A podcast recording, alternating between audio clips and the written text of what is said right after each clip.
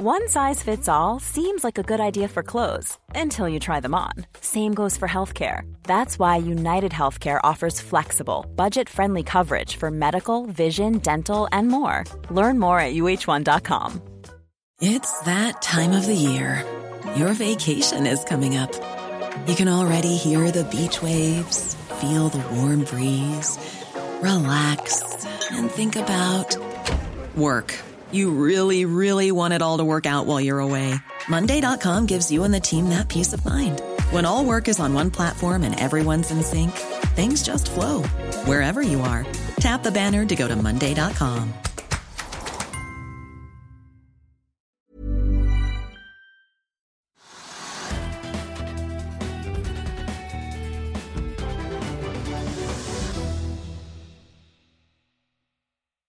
Hei og velkommen til Økonominyhetene. Vi går rett til Oslo Børs, der hovedindeksen stiger med nesten 1% etter å ha åpnet med et fall på 2% i morges.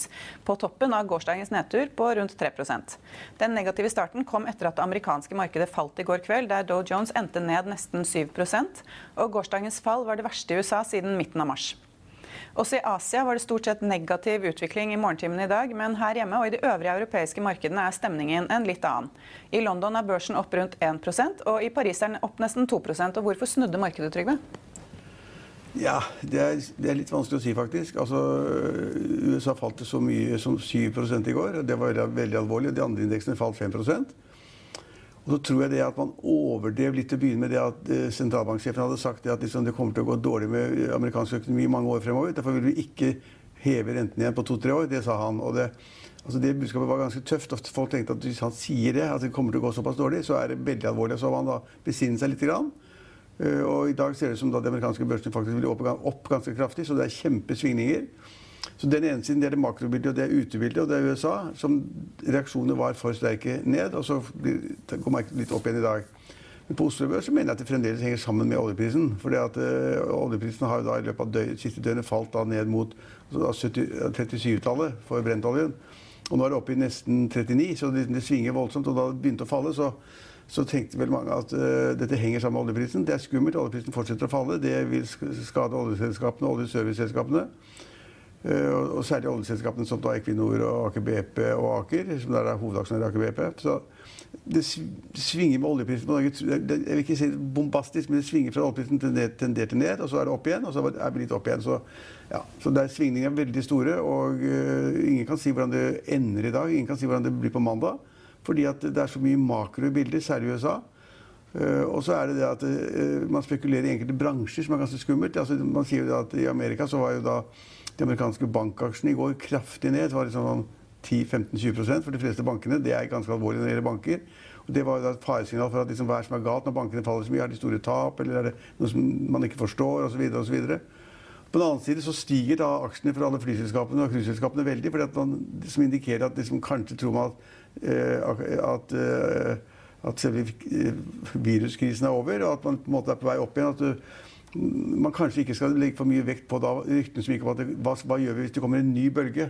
Altså det, hvis de gjør det, så er det selvfølgelig veldig alvorlig. Og, og, og den, i Amerika så sier de at vi tåler ikke at vi liksom får en ny altså En ting er at man stenger ned, og så åpner man opp, og så får vi en nedtur til. Så tåler vi det ikke. Økonomien tåler det ikke. Og det sier man i mange land. nå, nå, er det liksom veldig spekulasjon og uro i om liksom hvor sannsynlig er det at man får en ny epidemi. Da, pandemi. En ny bølge i høst. og Hvis man får det, så er det kjempealvorlig. Og hvis man ikke får det, så er det kanskje slik at man er over bunnen. Langt svar, men altså, dette er mye makro, og så er det litt olje. Men uh, det var jo på en måte ventet at børsene i USA skulle falle i går. Kanskje ikke så mye som Nei, det gjorde. Ikke i nærheten syv, altså, Nei, men, men man, det var jo på en måte et negativt sentiment i markedet. Da, så det var jo ikke noe overraskende sånn sett. Nei, fordi at markedet hadde gått veldig mye. Så fra bunnen i mars så hadde markedet gått og gått og gått. Vi hadde time, for to dager siden all time high for Nasdaq, som er da de teknologi, teknologiselskapene. Eh, eh, men altså, markedet var gått så mye at mange begynte å si liksom at nå går det for raskt. Hvorfor går det så fort? Er det noe grunnlag for det i makro? Er det grunnlag for det i ledigheten? Er det grunnlag for det i prisvekst? Er det grunnlag for det altså, man, man, tenkte det var for mye, så at det ville bli en korreksjon. Det tror jeg veldig mange tenkte på. Vi var også inne på det i går, vi også, at makrobildet liksom, det er det som avgjør. Og, og, og, og, det er mange negative ting i bildet. Bl.a. at da 44 millioner amerikanere da har da liksom mistet jobben. Det er ganske mye. Og så er det liksom ledighet på 15-20 Men man kom vel etter hvert til at det, det, var negativt, og så ble det verre og verre, verre, verre, verre. Og så tror jeg da i dag at man får da en korreksjon tilbake.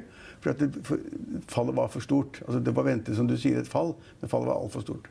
Men eh, vi var jo også gjennom finanskrisen eh, sammen, kan man si. Og da eh, var jo børsene falt jo veldig mye. Til slutt så blir man kanskje litt blasert? At du tenker sånn fall på 3% 4% det betyr ikke så mye lenger? Jeg vet ikke hvordan investor tenker. Men altså, jeg ville, hvis jeg var tungt inn i aksjemarkedet, så ville jeg blitt ganske bekymret hvis altså, Dow Jones faller 7 altså, er, Var det 1900 poeng eller noe sånt nå? Det ville jeg ville bli bekymret over. Og når de andre indeksene faller 5% så ville jeg bli bekymret over det.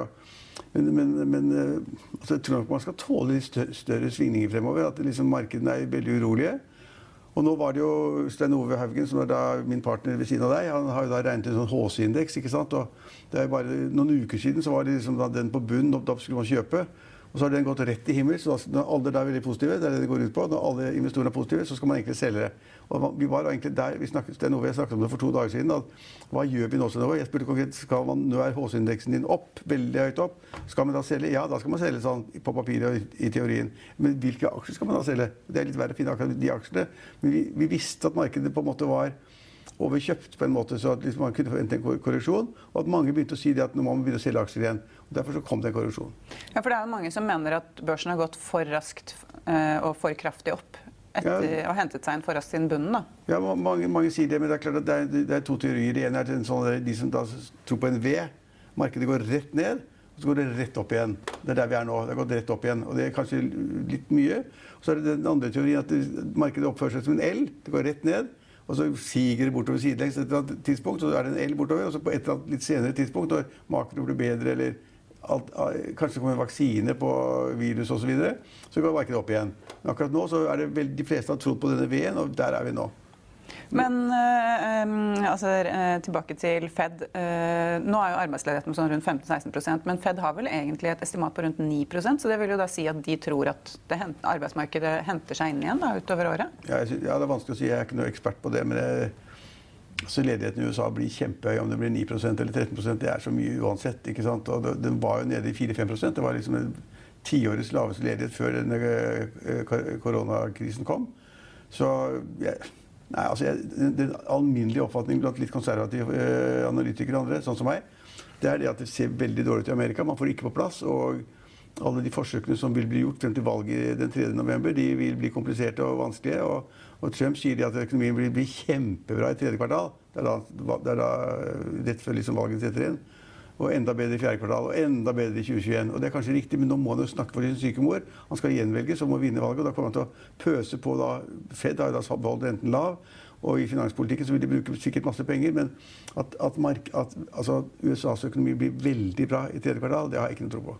Men da, eh, De må jo åpne opp eh, for at liksom, man skal komme i gang igjen. Da. Men så er det jo dette med at man da frykter en andre smittebølge. Ja, Det, det, altså, det kommer dårlige tall både fra Florida, fra San Francisco Los Angeles. og mange, Det kommer mange, mange dårlige meldinger for tiden. så liksom det, Man har ikke klart da, liksom, å stenge det ned. Man har ikke klart å få smittetallene vesentlig ned. og uh, Antall døde er ikke blitt vesentlig lavere, og antall folk på sykehus er ikke vesentlig lavere. Det er mange steder i USA hvor det nå kommer negative meldinger. og Det er jo ikke bra i det hele tatt. Og så må man da selvfølgelig finne ut hvor, hva kommer det av at man da får flere som smittes. Hva er det? Det vet man ikke, men det er ikke, det er ikke noen gode meldinger fra USA. Men uh, hvis man skal se på dette her med hvilke aksjer man bør eie, så har det jo vist seg at da f.eks. energiaksjene, cruiseaksjer og flyaksjer er jo veldig uh, utsatt i denne her perioden. da. Hva, hva, er det man kan gå inn i nå? Nei, altså det, det er kjempe... Hvis man har et langt perspektiv, da? Nei, men altså de som, er, eh, de som gjør det rett, mest riktig, det er de som kjøper disse fangaksjene som er i, i Nasdaq-indeksen. Altså det er liksom det er eh, Apple, og det er Amazon, og det er Netflix, og det er Facebook og Det er de selskapene, de fem selskapene som har gått mest, og som har, liksom dratt de amerikanske børsene. Og de vil sannsynligvis være gode fremover også. Amazon gjør de riktige tingene. De overtar markedet til markedet, land etter land. Og er flinke fra å starte med å selge bøker til å selge alt mulig i verden. ikke sant?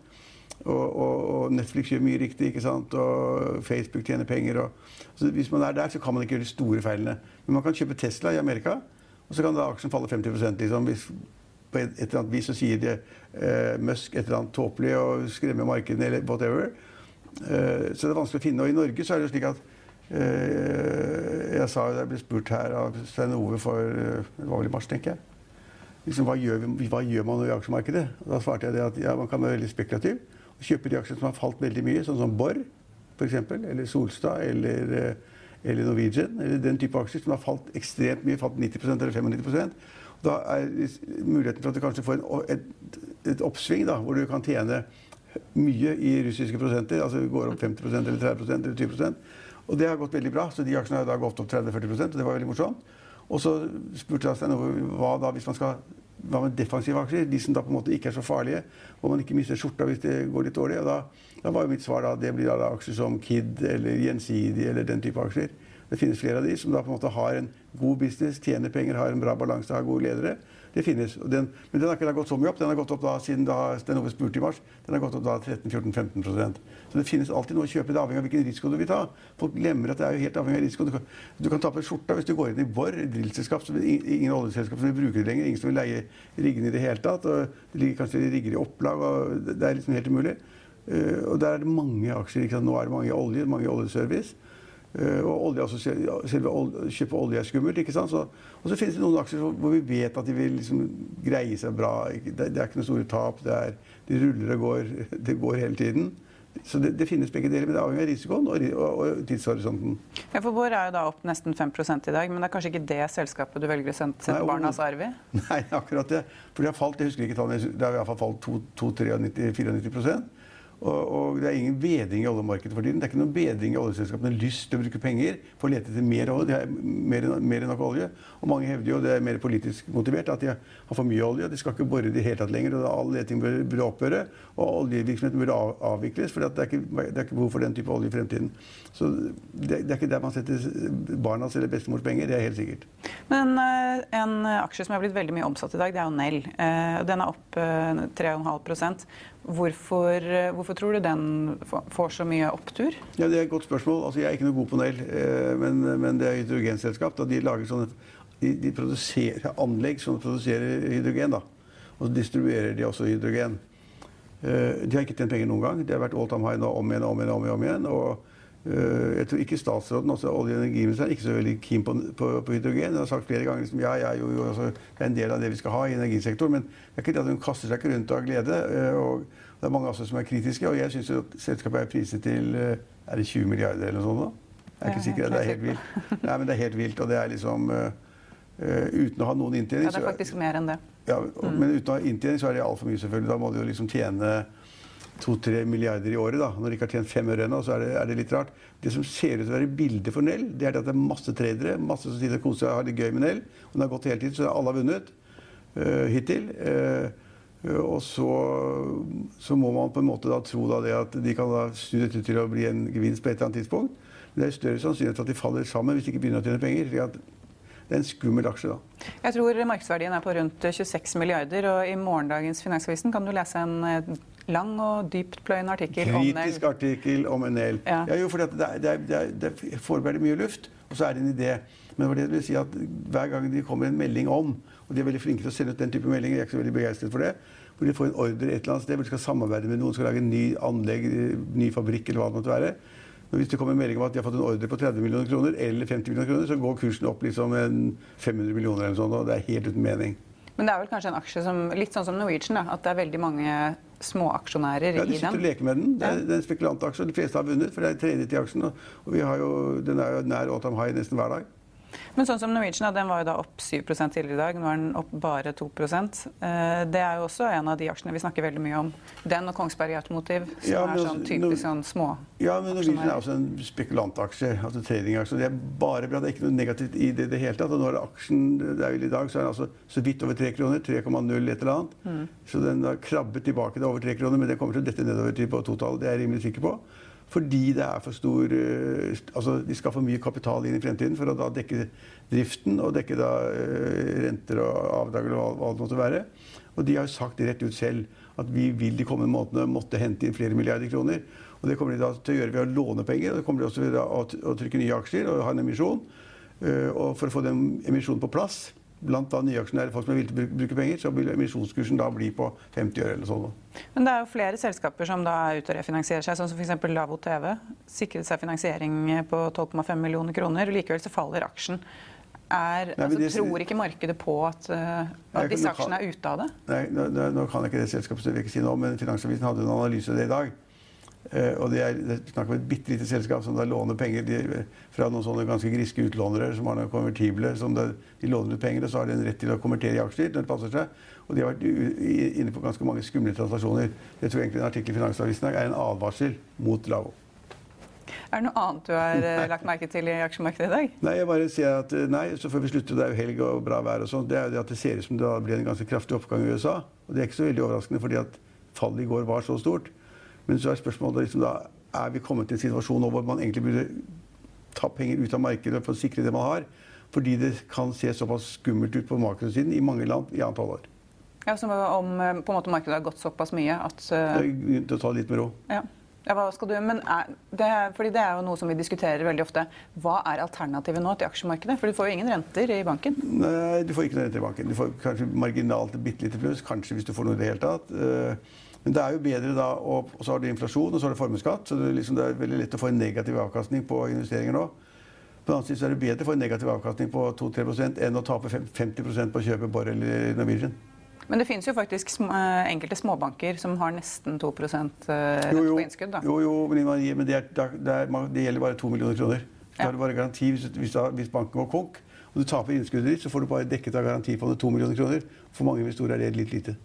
Men for eh, kan man si, hvermannsen så, så, er, er det et alternativ. Ja, det er litt styr og skal til utlandet og greier. Og, ja. Så er det noen skatteavtaler med noen land som man ikke forstår osv. Det er litt skummelt, men det, men det, er et alternativ. Du kan løpe rundt og få litt mer rente enn det jeg får i DNB. Det er helt sikkert. Men jeg liker jo da omtrent å vite hvordan det går, ikke da ta noen sånne sjanser. Så det man eventuelt kan gjøre, er å spre innskuddene på to millioner på hver bank på veldig mange banker? da? Det kan man sannsynligvis gjøre. Ja. Men hva, altså, hvilke andre alternativer har man? hvis man ikke har Madrassen. Madrassen? Eller, eller, kjøpe, eller noen kjøper gull i dårlige tider. Tror at det, det er det eneste sikre. at det, liksom, det, svinger ikke så mye, og man, da får man pengene igjen. Men gull kan også synke. Men altså, det, har, det, har, vært en veldig god investering i de siste par årene. Så noen gjør det, og noen kjøper kunst. Som det, er en, altså, det er jo bare hver tiende bilde som noen gang ble omsatt, som, som, har en positiv verdistigning. Alt annet er jo bare for hyggen og sjarmens skyld og gleden å ha det på veggen. Men det er ting man kan gjøre. Men det er ikke, det er ikke så mye. Du kan gjette etter statsobligasjoner. De gir omtrent null, de, det også nå. Ja, så det er ikke mye man kan gjøre. Er, vi, er, vi, er, inne i et lav, lav, altså lavrenteregime. Fordi man har altså null, null rente i Norge. Du har fra 0, til 0,25 i USA. Du har Eh, Storbritannia tror jeg altså 0,1% eller noe sånt. Altså er, mange land har negativ rente, så du må betale pengene for å ha det i banken. Men eh, det er jo litt eh, Noen ganger så er det jo en viss sammenheng mellom eh, rente altså Hvis det er høy rente, så er det flere kanskje som leier bolig fordi det er vanskeligere å få lån. Nå er det jo lav rente, for så vidt høy arbeidsledighet. Men eh, vil det da eh, lønne seg å gå inn i f.eks. utleiemarkedet og investere i det? Ja, ja, noen sier det, men det avhenger av liksom hvor stort behovet er da, for å leie boliger. Det, jeg, tror, jeg tror det behovet er ganske stort.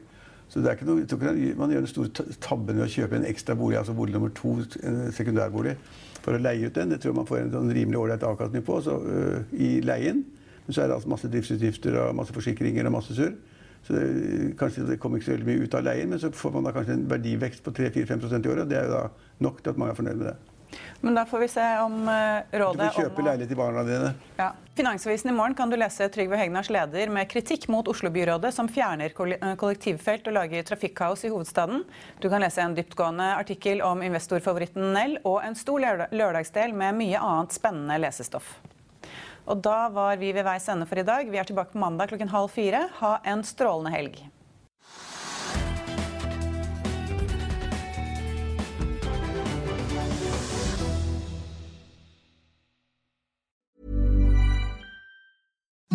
Imagine the softest sheets you've ever felt. Now imagine them getting even softer over time. That's what you'll feel with Bowl and Branch's organic cotton sheets. In a recent customer survey, 96% replied that Bowl and Branch sheets get softer with every wash. Start getting your best night's sleep in these sheets that get softer and softer for years to come. Try their sheets with a 30-night guarantee. Plus, get 15% off your first order at bowlandbranch.com. Code BUTTERY. Exclusions apply. See site for details. Hi, I'm Daniel, founder of Pretty Litter. Cats and cat owners deserve better than any old fashioned litter. That's why I teamed up with scientists and veterinarians to create Pretty Litter.